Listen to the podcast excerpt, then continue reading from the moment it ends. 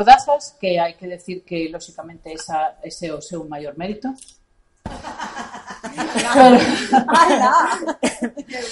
pero, bueno, conto vos saben que, que empezou interesándose en redes sociais por temas sociopolíticos e escribindo sobre eles. Isto suscitou o interese de moitas persoas que empezaron a seguilo e de aí pasou a colaborar en xornais digitais como o Caos en la Red e o Salto, o Antigo Diagonal. Eh, en este xornal se escribe sobre todo sobre temas relacionados coa represión. Entón, neste sentido, eh, vainos a falar hoxe de novos dispositivos de vixiancia para a represión. Boas, eh, vos aproveitando que, que estade máis ou menos despexados porque ainda a primeira hora da mañá, vou comezar con unha frase así un pouco enrevesada, vale? Eh, imaginadevos que eu prefiro chamalo burguesía, pero se vos chequei un pouco o termo pois, os capitalistas, eh, os poderes fáticos que operan detrás dos gobernos, que Pois puidesen coller a toda a xente que pon de manifesto dun xeito ou doutro eh, as contradiccións do, do sistema capitalista e podo falar, por exemplo, de, de xente pois, de delitos comuns, de violencia, podo falar, por exemplo, de violacións froito do sistema capitalista en consonancia co patriarcal, ou podo falar, por exemplo, de, de, de atracos levados a cabo por xente pois, levada á miseria ou situacións de exclusión social.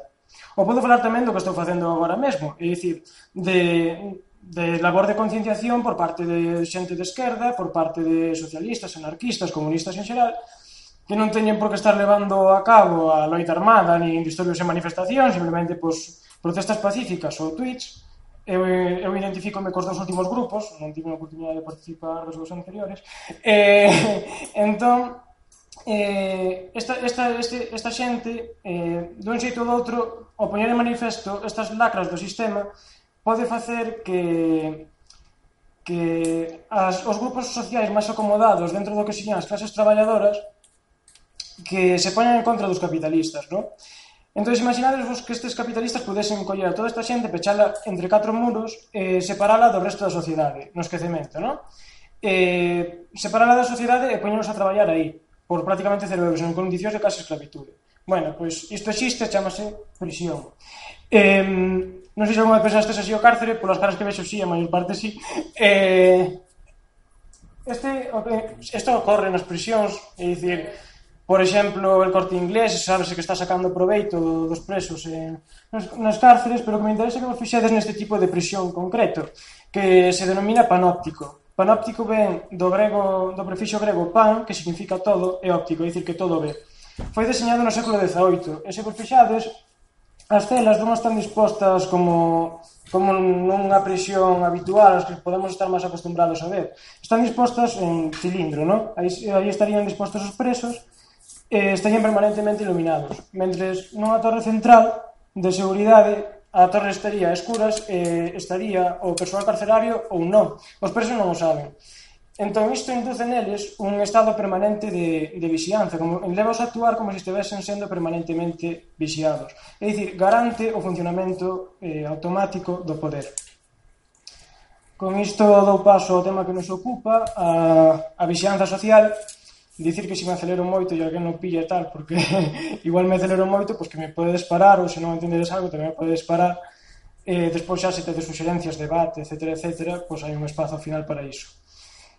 Eh, entón, o que vou tratar é de transmitir eh, as preocupacións eh, que existen ao respecto da, da vixianza social, porque hai motivos para preocuparse, non? Bueno, o certo é que unha das principais dificultades que nos atopamos a hora de transmitir estas preocupacións é que se xa é difícil que nos mobilicemos por temas que nos afectan directamente, como pode ser a educación, a sanidade, conflitos laborais ou pensións, que son temas nos que unha parte, polo menos cando, cando son movimentos de masas, cando hai moita xente participando destas protestas, unha parte importante delas, o mellor non teñen unha conciencia política moi elevada, simplemente eh, buscan mellorar determinadas cousas que lle afectan personalmente, pero non teñen conceptos, conceptos políticos moi desarrollados, están ao mellor conformes co sistema político eh, vixente, co marco legal, no que se moden, etc. etcétera. etcétera.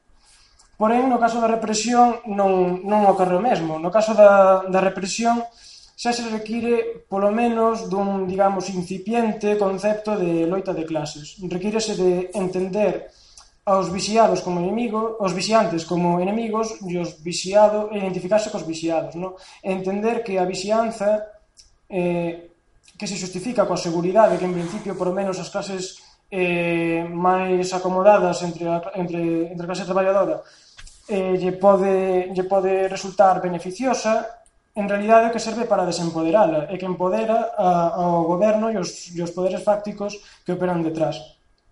Entón é máis difícil mobilizar por este tipo de temas. Pero dicir que se hai alguén que non este moi implicado políticamente, que diga isto comigo non vai, eh, a min eu non protesto, a min non me, non me afecta, mm, comentar así por riba que sí que hai outra forma na que, na que afecta a vixianza social e trátase do control de masas.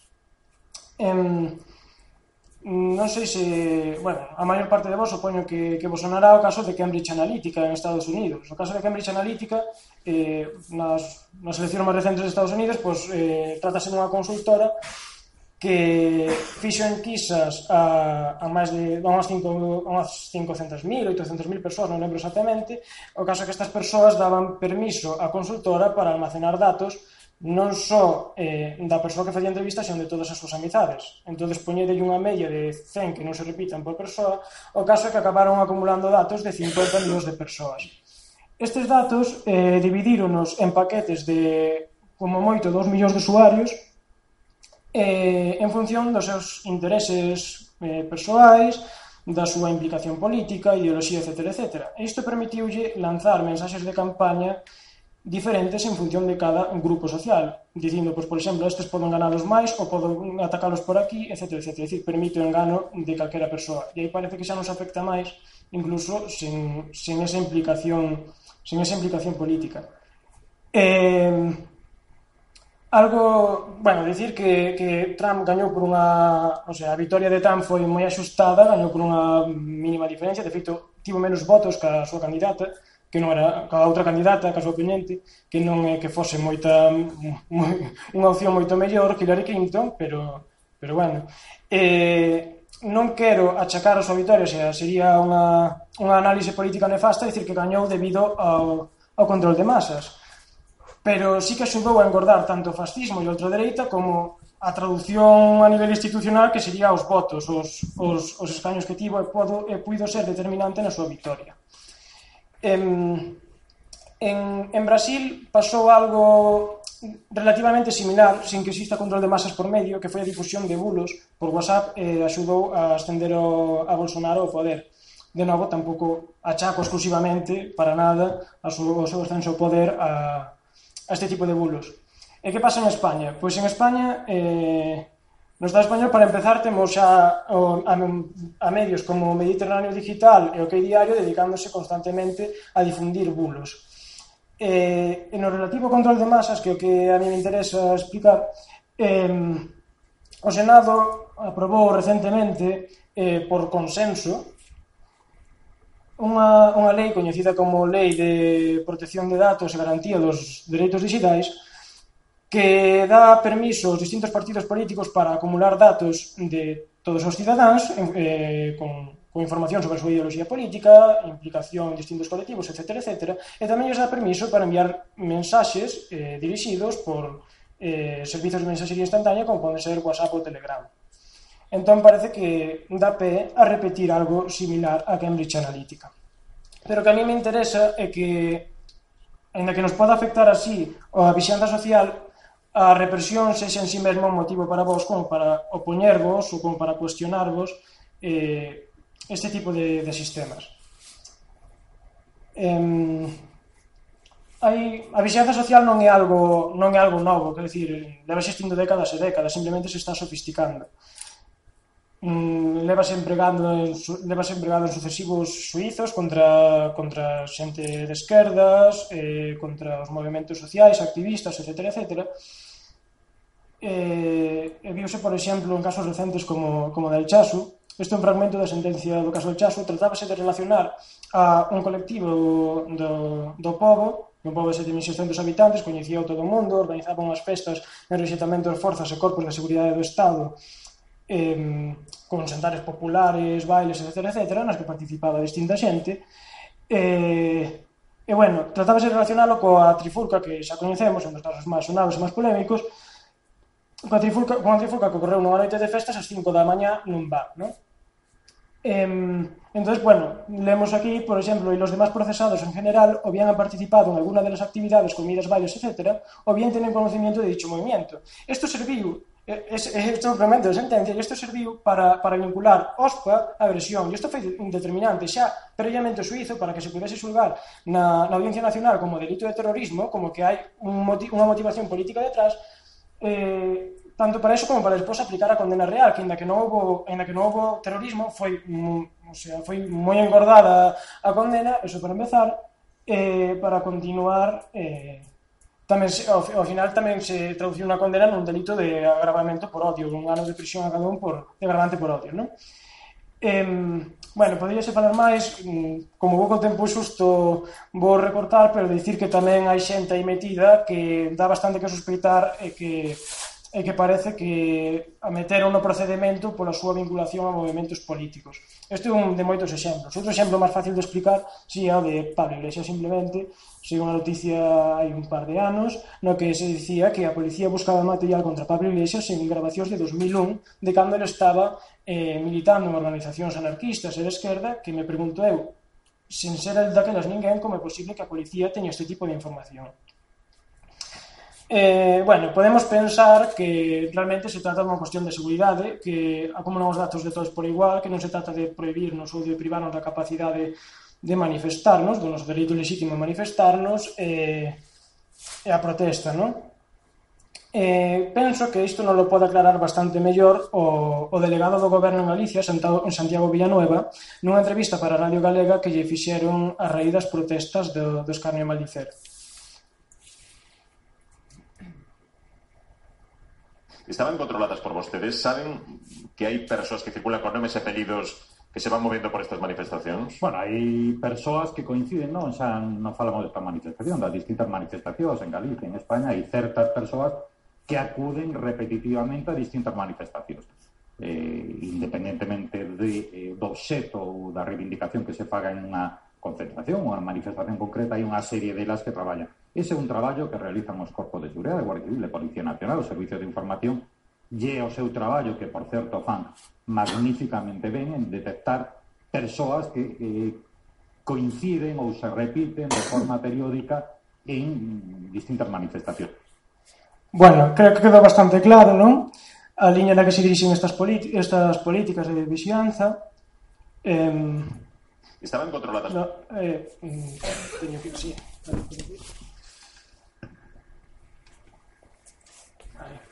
Eh, non sei se lembrades as protestas de hai un par de anos, de ano e medio, me parece, eh, na cumbre do, do G20 en Alemania.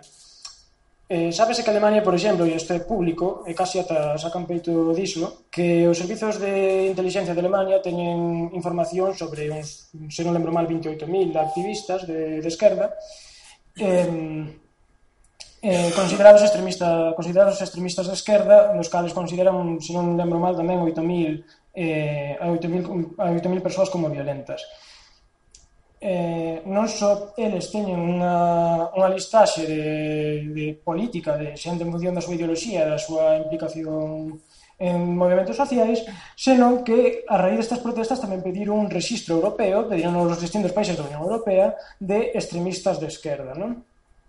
Eh, por se fose pouco, eh, si, sí, as cifras está ben, 22.000 extremistas de esquerda e 8.500 considerados violentos.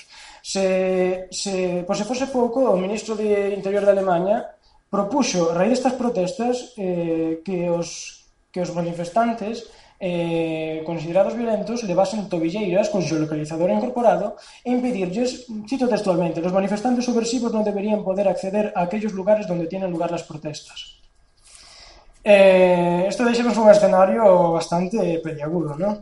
Despois de que, despois de que Alemania eh, pedise ese registro de, de europeo de extremistas da esquerda pois aos distintos países da Unión Europea a traballar eh, houve manifestacións en distintos eh, houve detencións en distintos países eh, pois, eh, Suiza, Alema eh, Francia, Italia e tamén España. Dicir que Alemania, en Alemania pois bueno, xa ten un, ten un satélite dedicándose a controlar a súa propia población, que está tramitando unha, unha lei para que toda a información que almacenan os distintos dispositivos digitais, como os propios coches con un sistema informático incorporado, eh, ordenadores, teléfonos móviles, etcétera, etcétera, eh, que todos estos datos que almacenan os dispositivos electrónicos que mm, estén todos en, en disposición que, se, que, que, que poda ter, que poda acceder a eles o goberno alemán. Eh, lembrar tamén que incluso nos poden podería darse o caso, isto da pé a que nos, a que nos graben no propio salón da nosa casa eh, porque mm, os televisores intelixentes, os Smart TV que funcionan con ordes de voz, eh, sí que, o sea, grábanos, eh, poden transmitir esta información a terceiros. Tamén está eh, tramitando unha lei para, para controlar de forma legal porque supoño que de forma legal xa fai, controlar de forma legal as comunicacións a través de servicios de mensaxería instantánea. Eh, sin, sin dar un aviso expreso á persoa que está sendo que está sendo investigada, non? Eh, por se fose pouco, por se todos estes métodos, eh, digamos, de hackeo, de, de espionaxe, mm, lle chegasen a pouco, eh, hai, hai activistas que empregan métodos como Tor, que é un navegador cifrado, ou RiseUp, que é un correo cifrado, pois cando non son capaces de acceder a estes sistemas xa se encargan de organizar operacións directamente as propias sedes na que está almacenada a información en físico para coller os datos de, miles e miles de activistas que de feito si xa empregan este tipo de métodos é porque consideran que a información que están intercambi intercambiando pode ser susceptible de ser enxudiciada e, e que, e que bueno, que de, de feito xa, o sea, xa unha información pois iso, que consideran que podría poñeros en perigo non? as imaxes que vemos eh, son de, de axentes de distintos corpos policiais españoles eh, grabando, grabando manifestacións grabando, grabando protestas. Bueno, decir que isto se está quedando anticuado. Incluso este sistema, que esta imaxe en concreto pertence a un sistema da policía francesa, no que unha cámara pode pasar desapercibida tras o botón dun, do, do, do equipo dun, dun, dun policía, eh, tamén se está quedando anticuado. Por que? Pois porque agora xa sistemas como, como este, que, que teñen os Mossos da Escuadra. Eh, que eh, paso a explicar. Trátase das brigadas móviles, dos mozos de escuadra, que acoden a cada manifestación para controlala, non? Eh, concretamente, trátase da brigada E700. Esta brigada actúa, digamos, de centralita, controlando as posicións dos helicópteros e das, destinos, e das distintas furgonas policiais. Pero tamén ten outra función, ya que o aparello que vemos aquí rodeado con vermello, que vemos en cada unha das imaxes, eh, pertence concretamente a esta brigada, non a teño o resto, eh, custou medio millón de euros o que é o desenvolvemento do software á Generalitat e outro medio millón o que o, o hardware, é dicir, eh, o sistema en físico, non?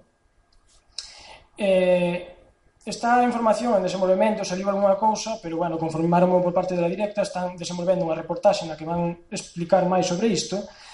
Eh, trátase dun sistema de recoñecemento facial, co que acuden a cada unha das manifestacións. Este sistema funciona cunha canle de, do óptico, que recolle a mesma información que calquera outra cámara, e outro sistema de infravermellos. O sistema de infravermellos permite obter información tridimensional. Eh, Ainda que a maior parte dos sistemas de reconhecimento facial vinculan... Bota un pouquinho para atrás, porfa, que sí, aí. pode ser. Eh, ainda que a maior parte de, de sistemas de, de reconhecimento facial vinculan a túa cara a un DNI, neste caso non o fai, o que, o que fai precisamente cumplir con aquilo que dicía Santiago Villanueva, detectar que perfis se repiten en distintas manifestacións. E claro, pode ser que tampouco lle fagan moita falta aos Mossos de Escuadra poñer en relación con documento de identidade, cando sabemos que os Mossos de Escuadra eh, teñen arquivos, eh, isto sabes xa, que teñen arquivos ilegais que Converxencia e Unión e PP se negaron a que fosen eliminados, con información sobre persoas sen, sen antecedentes penais que mm, bueno, se especifica os colectivos no que, nos que militaban, eh, a súa ideoloxía, actividade sindical, etc. etc. Eh, seguindo con Cataluña, en Cataluña hai dúas empresas punteira en, en sistemas de reconhecimento facial. Un é Kimaldi, que, que ten un sistema de reconhecimento facial tan preciso que é capaz de distinguir xemelos que para ollo humano son idénticos. Eh, a outra, esta non está moi, moi estendida aínda, a que se emprega máis é ERTA, Esta outra empresa que ata hai pouco polo menos, esta noticia de xuño de 2018, pode que siga sendo, era, tiña o sistema de reconhecimento facial máis rápido do mundo, era capaz de facer entre 30 e 35 millóns de comparacións por eh, segundo. Eh, este sistema eh, empregouse, por exemplo, na, na gala dos Globos de Ouro, empregouse na gala dos Grammy, eh, empregou, empregase en casinos de Madrid e de Barcelona, e en, en, esta, en aeroportos, estacións de metro, todas as estacións de tren de India levan este sistema, levan o de ERTA, e, por exemplo, a estación de autobuses de Madrid tamén. E este xa relaciona a túa cara con un documento de identidade. Eh, outra empresa que desenvolve estes sistemas de reconhecimento facial é Indra, xa non en Cataluña. Eh, recentemente, pois, este de agosto de 2015, saliu a noticia de que despregara os seus sistemas en sete aeroportos españois e no, e no porto de, de Algeciras. Un sistema que recollía todos os datos que recolle xa o registro PNR do que falarei máis adiante, é dicir, eh, a, o, o itinerario que faz en avión, a túa posición, o documento de identidade, o número da tarxeta bancaria, ese tipo de datos, eh, os poña en relación con datos biométricos, en primeiro lugar, coa túa pegada digital, e, eh, por outro lado, co, poñas en relación co, co teu rostro e iso facía automáticamente e ao viaxar era cuestión de, de un segundo entón xa gravaba o teu rostro pero isto quedouse en certa medida anticuado en, en novembro de 2015 chegounos a Europa unha desas salpicaduras do, do inferno que estamos provocando e non me refiro tanto a nós como os propios gobernos eh, ainda que dubido que se o inferno fose aquí eh, fosen elegidos, o inferno que estamos provocando en, en países do Oriente Próximo eh, Irak, Siria, Egipto, Libia, etc. etc. Eh, a Yemen non incluo na listaxe porque a situación xeopolítica é ligeramente diferente, pero volve a ser máis do mismo. E chegounos, eh, chegou, eh, chegounos unha desas salpicaduras e refirme concretamente ao atentado de Charlie Hebdo.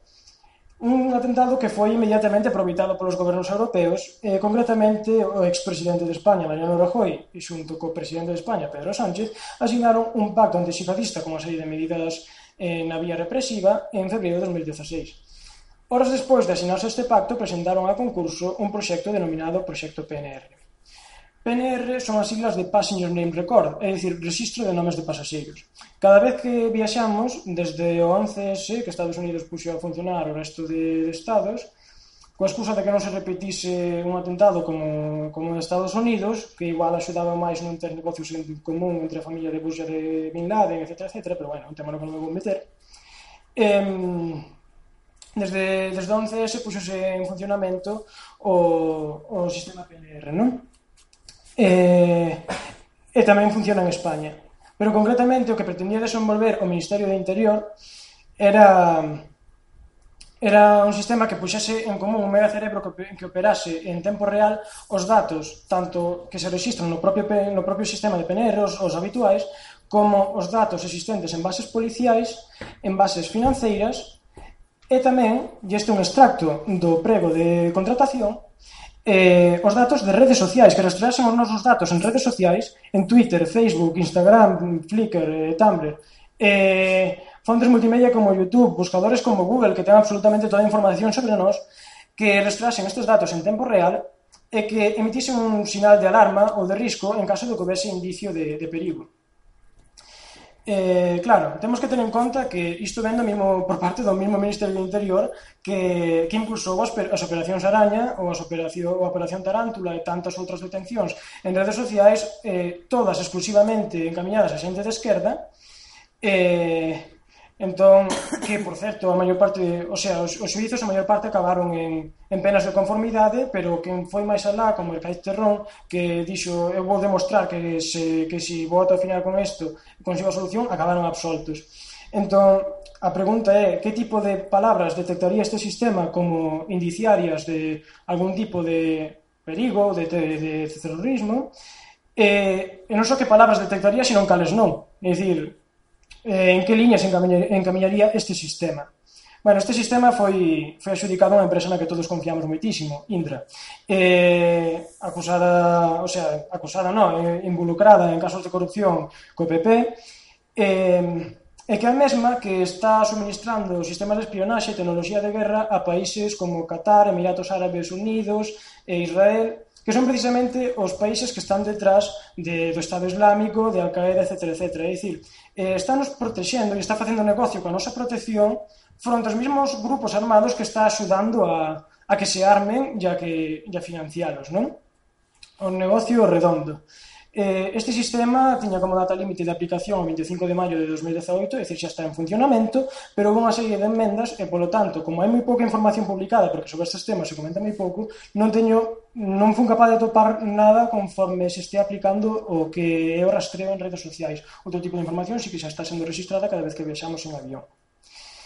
Eh, pero se queremos saber eh, cara, cara, onde, cara onde estamos dirixíndonos, cara onde estamos avanzando, en que liña se, eh, se orientan estas políticas, penso que debemos botar un, un ollo que está ocorrendo en China. En China, segundo Segundo distintas estimacións, hai entre 70 millóns, esta é de Radio Televisión Española, outras, outros medios sitúan en 200 millóns, entre 70 millóns e 200 millóns máis ou menos de cámaras con sistema de recoñecemento facial incorporado, é dicir, prácticamente xa o gran hermano. Estes sistemas de recoñecemento facial tiña un potencial tan, tan grande que para que nos fagamos unha idea do, do impacto que ten, pois había un, un señor que estaba sendo investigado por delitos en principio comuns, eh, económicos, eh, que estaba sendo buscado eh, acudiu a un concerto no que había máis de 60.000 persoas. Os sistemas de reconhecimento facial eh, identificaron inmediatamente e foi detido entre 60.000 entre 60.000 persoas pola policía de, de China. É dicir, o potencial é enorme. A China tamén eh, a policía chinesa tamén ten lentes con reconhecimento facial que lle permiten identificar sospeitosos e co que xa practicaron eh, detencións, o que é un sistema que é totalmente futurista, é unha, unha barbaridade. Pero por si isto fose pouco, eh, estes sistemas de reconhecimento facial, moitas das cámaras xa actúan en, eh, conjuntamente tanto o sistema de reconhecimento facial como outro sistema que é o de reconhecimento en marcha, que é capaz de detectar aos cidadáns pola súa forma de andar. De xeito, que incluso de espaldas eh, ou tapados ou máis ou menos fora do que sería bastante longe do que sería o rango de visión sería capaz de detectar de que persoa se trata teremos que andar un pouco como para, para non ser detectados non? Eh, E pois se todo isto fose pouco, todo este sistema de vixianza, non só se trata dun sistema de vixianza, sino tamén un sistema de avaliación continua. Eh, trátase do sistema de crédito social que xa está, funcionamento, xa está en funcionamento en, en China. É un sistema que recorda un pouco a un capítulo de Black Mirror e que, e que outorga a cada cidadán unha puntuación en función do seu comportamento. Non, eh, non só outorga unha puntuación, senón que isto, isto sirve para, para castigar ou para impedir o acceso a determinados, a determinados eh, esferas da, da vida pública, como pode ser simplemente viaxar en avión, por debaixo de certa puntuación non permiten viaxar en avión, eh, como pode ser viaxar en, en tren, en metro, eh, ou incluso xa no que serían as empresas privadas, porque lembro, por certo, por saber que China é un país profundamente capitalista, por se cabe algunha dúbida ao respecto, eh, incluso no, pues, no empresas privadas como aluguer de, de bicicletas, eh, poderían impoñer sancións ou penalizacións a aqueles cidadáns de puntuación máis baixa. Isto xera unha situación de marginalidade social e de exclusión social profunda, ou sea, tremenda, porque se xa é difícil eh, desde as marxes ser capaz de, digamos, incorporarse ao que sería a sociedade, eh, moito máis difícil se ten cando se poñen barreiras tan exhaustivas. É dicir, isto está creando unhas serias diferencias dentro do que serían as propias clases traballadoras. Non? Eh, digo que isto nos serve un pouco para ver eh, o que pode ocorrer un, a liña na que, está, na que nos estamos dirixindo eh, eh, na que nos podemos dirixir nos países europeos que máis ou menos funcionamos de xeito similar en primeiro lugar porque China, en a que só xa un país non é anecdótico, estamos falando do 20% da poboación mundial, estamos falando de 1.400 millóns de persoas estamos falando de que neste país se está aplicando este sistema. Eh, que un de cada cinco habitantes do mundo xa viven eh, baixo este sistema eh, en la que, bueno, nos, nas zonas menos poboadas pois pues, igual non se está aplicando do, do mesmo xeito, pero, bueno, donde está a maior parte da densidade da poboación sí que, sí que se aplica. Eh, digo por iso, tamén o digo porque a Alemania, por exemplo, xa amosou interés neste tipo de sistema e en aplicalo. Eh, xa puso un proxecto en marcha eh, estudando se se podría aplicar en Alemania ou non. Eh, por outra banda, tamén hai unha competición polo, polo control das cidades, sobre todo eh, isto está ocorrendo máis en América Latina, a noticia de Ecuador, pero tamén se está aplicando en El Salvador. Por parte das policías eh, das distintas cidades, pois iso, con drones, etc, etc, sistemas de, de, de vixianza pois, desde o espazo aéreo. Pero que a mí me interesa máis neste, neste sentido explicar a situación da India. India eh, é outro país que contén outro 20% da poboación mundial, entre, entre, entre India e China suman o 40%, inda que non se nos fale case nada diso, eh, está, a, case a metade da poboación mundial está vivindo neses dos países, non? Eh, segundo, segundo algúns estimacións, incluso India xa tería máis poboación que China, porque, bueno, o censo funciona daquela maneira. Eh, E India é un estado no que no campo hai un sistema prácticamente feudal, prácticamente arrendatario, suicidanse uns 15.000 campesiños ao ano, se tamén depende un pouco das estimacións, porque tampouco hai un control moi exhaustivo, pero bueno, uns 15.000 campesiños ao ano, e se imos máis o que sería o, o que identificamos máis co, co ambiente obreiro, Pois podemos falar, por exemplo, de como Inditex, el Corte Inglés e Corte Fiel, o Corte Fiel, perdón, eh, están explotando na India, por exemplo, a nenas e adolescentes eh, por 0,80 euros, 0,88 euros ao día, é dicir, un salario de uns 25 euros ao mes, eh, do cal só poderán disfrutar ao cabo de 3 ou 5 anos, eh, e que eses cartos servirían para pagar a súa boda eh, situacións totalmente de esclavitude. Ou podemos falar de, por exemplo, como hai nenos de 11 anos recollendo mica en minas, que é o que logo dá o brillo característico a, ma a maquillaxe que usamos nos países occidentais. Non? Isto explica un pouco porque non se nos fala deste, de, deste, destes países. Non?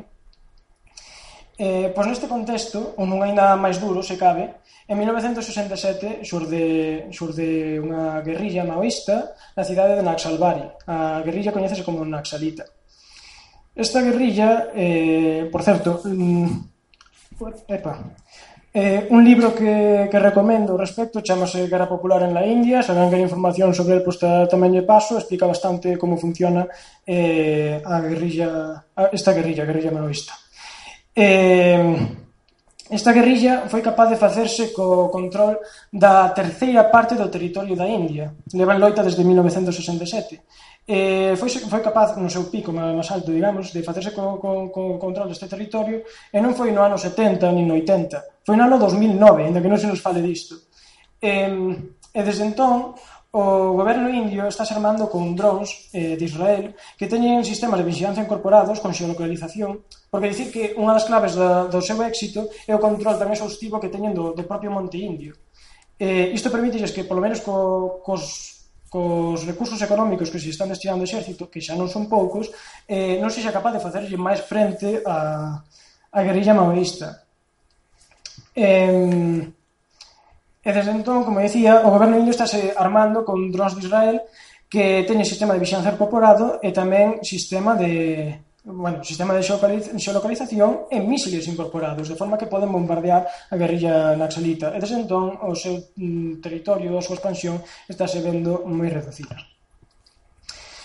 Entón, eh, paso, paso a conclusión, isto permíteme poñelo en relación co, coa represión, eh, que digamos a parte que máis me interesa ni citar a, o que sería o, o debate e a reflexión Eh, dicir que todo isto non é ni moito menos un alegato eh, contra o avance científico nin contra o desenvolvemento nin contra o desenvolvemento tecnolóxico. É dicir, eu considero que estou totalmente a favor de, deste, destes avances eh, sempre cando se teña en conta eh, dos tipos de impacto.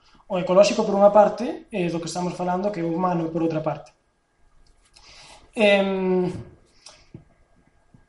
dicir que, que, que É dicir, está vendo un desenvolvemento eh, tan rápido, tan, tan veloz, que non nos está dando tempo a, a asimilalo como, como sociedade. Entón, o que, o que está provocando unha especie de shock, ou pelo menos tal como vexo eu, este avance tan desenfrenado, unha especie de shock no que non nos dá tempo nin a, nin a reaccionar, nin a artellar unha resposta contra isto. Entón, eu considero que estou totalmente a favor do desenvolvemento tecnolóxico e científico, pero considero que debe haber un avance reflexivo por parte da sociedade paralelo. Debe haber un, un espazo para poder responder ante, ante as consecuencias que pode ter este tipo de, este tipo de avances. Eh, non sei se me lembro de algo, se, se me esquezo de algo. Eh, ah, Eh, dicir tamén que cando, cando, se, cando se implanta este tipo de tecnoloxía moitas veces se destinan moitos recursos que outro problema que hai en relación con este avance tan, tan rápido se destinan eh, se destinan moitos recursos económicos e despois tamén se justifica como que como se nunca soubésemos vivir sin este tipo de, de sistemas de sistemas de vigilancia entonces parece que como que veñen para quedarse eh, e que é, e que é moi complicado despois dar marcha atrás. Por iso considero que a resposta debe ser canto máis urxente que, que, que vamos, que urxente que debe ser canto máis rápida mellor. Eh, debemos entender tamén o, o pretexto no, no que xurden este tipo, se justifican este tipo de, de medidas. Eh, justifícanse coa, coa nosa seguridade, non? eh, eh, creo que debemos definir ben as causas eh, eh, para poder poñer solucións a, a esta inseguridade que nos pretenden vender. Habitualmente trátase de, de contrapoñer seguridade e liberdade. Eu considero que non, considero que van da man. É dicir, considero que se si temos eh, unha liberdade, é dicir, se temos, por exemplo, seguridade económica, estabilidade laboral, etc., etc., non temos máis que comparar a violencia que pode haber nun país pobre co que pode haber nun país rico, o que pode haber antes da crise económica en España, o que vivimos, o que vivimos aquí mesmo en Lugo, e o que hai despois que cando se empezan a justificar este tipo de parches como ordenanza mordaza, eh, no caso, no caso de cidades de Lugo, que ocorre justamente despois da crise económica. Eh, entón, que nos, cal, é, cal é a verdadeira causa da nosa inseguridade? Trátase dos terroristas, por exemplo, de Al-Qaeda ou trátase das mans que o financian deses señores de camisa e gravata que se sentan nos seus escaños ou algún nun trono incluso con unha coroa na cabeza Eh, ou tra trátase de, dos violadores ou trátase da industria sexual que é unha das máis potentes e unha máis potente actualmente que hai detrás eh, do sistema patriarcal en sí mesmo, etc. etcétera. Trátase da xente que, que atraca, o, eh, o sea, trátase de, do, do pobre ou trátase da pobreza, que é o que debemos combater. Eh, trátase de, de, pois iso, de, de xente que foi levada a miseria, excursións, eh, o sea, trátase desa situación de trátase da xente que está en situación de miseria ou de exclusión social ou trátase de, da, do, do que hai detrás, do que leva esa situación. Non? Eh, por moitas... O sistema de vixianza que permiten fundamentalmente desprazar o delito eh, justificouse, por exemplo, a ordenanza mordaza eh, cos gorrillas, no caso de dicir os, os, os aparcacoches, no caso do Hospital de Lugo, por exemplo, co que se tratou de meter bastante medo. Eh, sí, houve, con, houve eh, situacións concretas na que, na que houve conflitos co, co, cos gorrillas, por exemplo. Eh, pero Pero que so, o sea, o que debemos o que debemos facer é aplicar políticas que eviten que alguén se poda topar nese tipo de situación. Eh, o que o que soluciona ese tipo de medidas pode ser pues, evitar que, que estén, por exemplo, no hospital de Lugo, pero que o día de mañá teñamos outro tipo de conflito con algún que non teña outra outra solución de vida máis que violar a propiedade o principio de propiedade privada capitalista e te colle, por exemplo, pues, eh, no parque de Frixa ou onde sexa. É dicir, isto non, non supone unha solución, e ente debemos entender a que se debe a violencia e poñerlle, e eh, poñerlle solución. Eh, por moito sistema de vixianza que poñen en Estados Unidos, nun país onde hai mestres e doutores vivindo en sumidoiros, eh, polas tasas de desigualdade social tan grandes que teñen, nunca van a acadar un sistema, ou nunca van a acadar os niveis de seguridade que temos, por exemplo, en Galiza ou en Cuba. Eh, eso, eh, o sea, que dá igual o, o sistema de vixianza social que poñen por medio. Entón, isto con relación ás solucións que debemos establecer eh, e os problemas e as, e as causas de, desa de inseguridade. Eh, con relación a como nos afecta, con relación á represión, eh, dicir primeiro que o Estado nunca nunca vai justi nunca vai justificar eh, a violencia contra si sí mesmo. É dicir, nunca vai nunca nunca nunca vai ser legal eh, que Espera que estou aquí eh, tan, só, tan, tan só as protestas que poden ser ignoradas ou que non supoñen unha ocasión real que, que permitan a, aos señores empresarios estar, estar salindo nos seus despachos van ser as que, as que se sen permitidas, non? Eh, pero debemos entender que todo ese tipo de medidas eh, van veñen acompañadas dunha serie de dunha, dunha corrente ideolóxica. Unha corrente ideolóxica que, que se corresponde co ideal do estado de benestar, cun ideal de paz social, eh, que se corresponde con coa non perturbación do espazo público, no que un corte dunha, dunha estrada, por exemplo, se supoñería, vamos, eh, non va máis, non? A indiferencia política de moita xente non, non molesta tanto, polo visto. Eh, é unha estrategia moi efectiva, porque é unha estrategia que consegue que, que se asocie ou se considere subversivo ou violento actos que realmente cada vez son menos opresivos e menos violentos. Estamos pasando de, de pechar en prisión a membros de ETA a pechar en prisión a políticos de dereita cataláns por poñer unhas urnas. Estamos pasando eh, a, a meter en prisión, por exemplo, os Jordis por subirse en dous coches e desconvocar unha manifestación ao berro de non pasarán, ou a tuiteiros, etc. etc. Entón, eh, considero que, que eh, deben existir vías eh, por parte do... É dicir, nun Estado realmente se si facemos eh, caso que sería os principios de democracia, o Estado e o funcionamento da sociedade debería ser controlado pola propia sociedade. Eh, para iso, deberían existir vías e mecanismos de control do Estado por parte da sociedade, vías institucionais. Pero vivimos nun Estado capitalista, e un Estado capitalista non outorga este tipo de vías. Eh, entón, se non temos esa vía mm, institucional disponible como para poder exercer un control sobre o Estado, o legítimo control, é dicir, decidir como queremos vivir, eh, a única vía que nos queda é a rúa, é a loita social.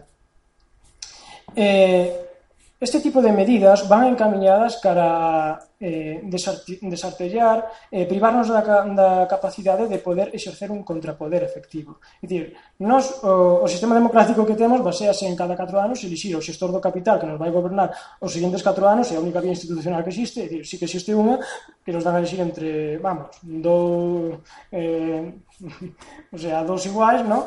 Eh, eh, Entón, a partir de aí, a partir de, eh, durante os seguintes anos de goberno, teñen carta vía, eh, ou sea, eh, carta libre para, para, para facer e desfacer como espete. Entón, a vía que nos queda a nos é a, a, da loita, a da loita social. E este tipo de, de, de medidas van encaminhadas, en que non consigan a súa tendencia, é a privarnos da capacidade, da posibilidade de poder exercer ese contrapoder, de poder articulalo. Eh, entón, mm, remato co, mm, dicindo, o sea, cal, é, cal é a outra opción que nos queda se non é a loita eh, fronte ás políticas que lles, mm, lles dea por, por aplicar a, aos gobernos cos poderes fáticos que operan detrás. Eh, asumir, eh, achantar e aceptar todo o que nos veña dado. Moitas grazas.